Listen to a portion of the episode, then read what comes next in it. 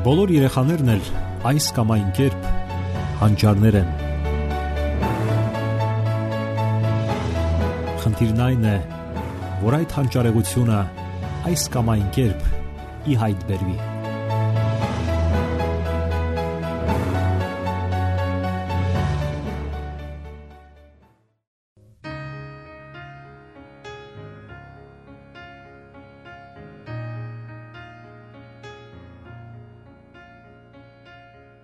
Բարև ձեզ սիրելի ռադիո լսողներ։ Եթերում դասերակցություն հաղորդաշարն է։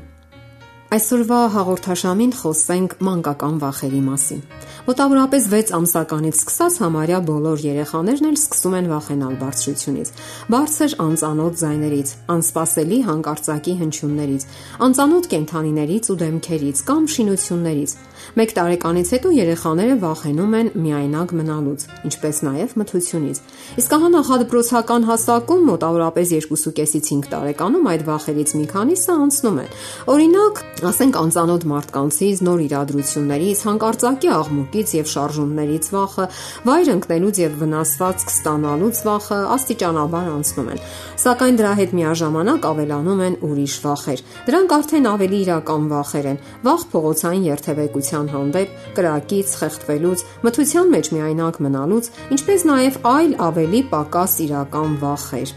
Եթե հարցնենք 7-ից 8 տարեկան երեխաներին, թե ինչից են նրանք վախենում, ապա հավանաբար նրանք կպատասխանեն. դևերից, տեսիլքներից, մահացած մարդկանցից, վայրի կենդանիներից եւ այլն։ Ինչու են երեխաները հենց դրանցից վախենում։ Արդյոք նրանք որևէ հնարավորություն ունեն նրանց հանդիպելու իրենց կյանքում, որտեղից են այդ վախերը։ Միգուցե ծնողները կամ եղբայրներն ու քույրերն են նրանց երբեմն վախեցնում։ Ահա հիմա քեզ կփախցնի հրեշը կամ ուրիշ այլ սարսափելի կենթանի։ Խելոք մնա թե չէ հիմա այսինչ սարսափելի արտակինով մարդը կգա եւ քեզ կպատժի եւ այլն։ Իսկ միգուցե նրանք այդ բոլորը տեսել են սարսափ կինոնկարներում կամ մուլտֆիլմերում։ Փոքրիկ երեխաների համար տեսնել նշանակում է հավատալ, եթե նույնիսկ դա ընդամենը հերոստահաղորդում է։ Փոքրիկի համար նշանակություն չունի իրական է թե հորինովի վտանգը։ Երկու դեպքում էլ նրանց մոտ վախի միանման զգացում է առաջանում, եւ նման իրավիճակներում բավական չէ պարզապես երեխային ասել. «Մի վախենա»։ Իսկ ինչ կա այդտեղ վախենալու։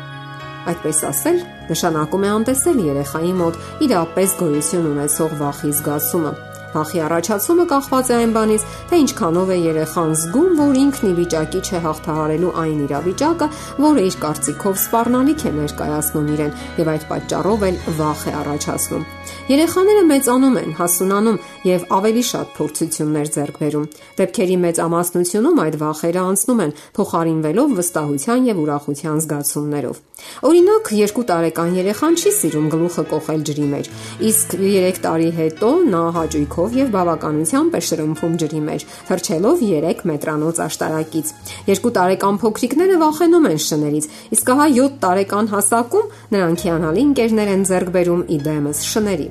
Ավելի հասուն տարիքում աղջիկները սովորաբար ավելի հաճախ են հակված վախի դրսևորման, սակայն դա բոլորովին էլ չի նշանակում, որ տղաները չեն վախենում։ Պարզապես տղաներին սովորեցնում են, որ տղային վայել չէ վախենալ կամ էլ ցույց տալ իր վախը։ Եթե դուք արդեն գիտեք դա, ապա պետք է կարողանաք բացատրել երեխաներին, որ վախի զգացումը թուլություն չէ եւ որ դա միայն աղջիկներին չէ, որ հատուկ է։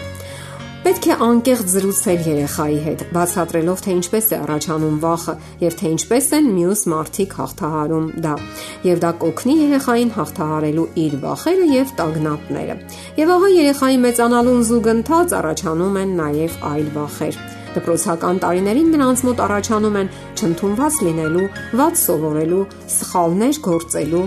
վատ գնահատականներ ստանալու, ուսուցիչներին չգոհացնելու վախերը, եւ շատ վախեր նրանց հետ ապնդում են անգամ մեծ տարիքում։ Յուրաքանչյուր երեխա ցանկանում է ընդունված լինել, ճանաչված լինել խմբի անդամների կողմից։ Ոչ մեկը չի ցանկանում սպիտակ ագրավ լինել,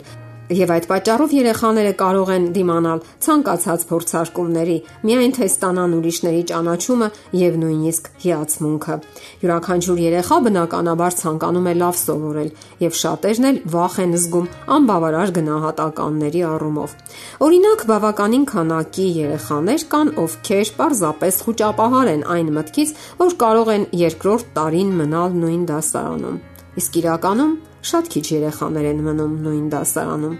Իհարկե, այս վախերը բոլորովին էլ անհիմն չեն։ Հաճախ այս վախերը հրահրվում են հենց ուսուցիչների կողմից։ Նաև խմբում ընդունված չլինելու վախը կարող է անհիմն լինել, սակայն ահա վախը իրական է եւ ծնողները պետք է իմանան, որ դա երեխայի համար խիստ իրական զգացում է։ Բազմաթիվ վախեր են առաջանում նաև դպրոցականի հիվանդությունների ժամանակ։ Թեպետ վախը կոնկրետ հիվանդության արդյունք չէ։ Այդ ժամանակ փոփոխվում է երեխայի օրվա գրաֆիկը, եւ ծնողը պետք է ավելի շատ ժամանակ եւ ուշադրություն հատկացնի երեխային, սատարի նրան։ Նշենք նաև, որ ինչքան տպավորվող եւ զգայուն է երեխան, այնքան ավելի շատ կարող են լինել նրա վախերը, որովհետև նա ավելի շատ վտանգներ է տեսնում, քան տեսնում են մյուսները, եւ վախենում է, որ չի կարողանա հաղթահարել դրանք։ Եվ այդ վախերը ժամանակի ընթացքում իհարկե անցնում են, քանի որ երեխան սկսում է տեսնել ու հասկանալ դրանք հաղթահարելու արդյունավետ եղանակներն ու ճանապարհները։ Ասենք որ վախի շատ տեսակներ հատուկ են նաև մեծահասակներին, թեպետ հստակ վիճակագրությունը ցույց է տալիս,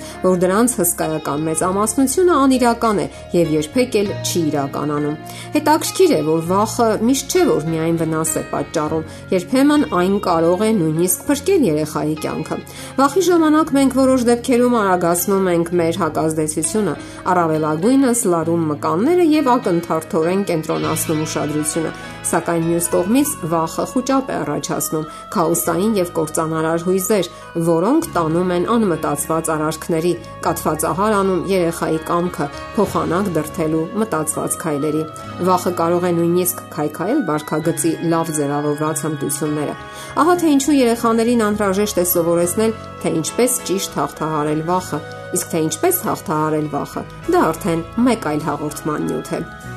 Սիրելի ռադիո լսողներ, եթերում դասերակցություն հաղորդաշարն է։ Ձեզ հետ է Գեղեցիկ Մարտիրոսյանը։ Ձեզ ուզող հարցերի համար կարող եք զանգահարել 093 00 63 27 կամ 094 93 55 77 հեռախոսահամարներով։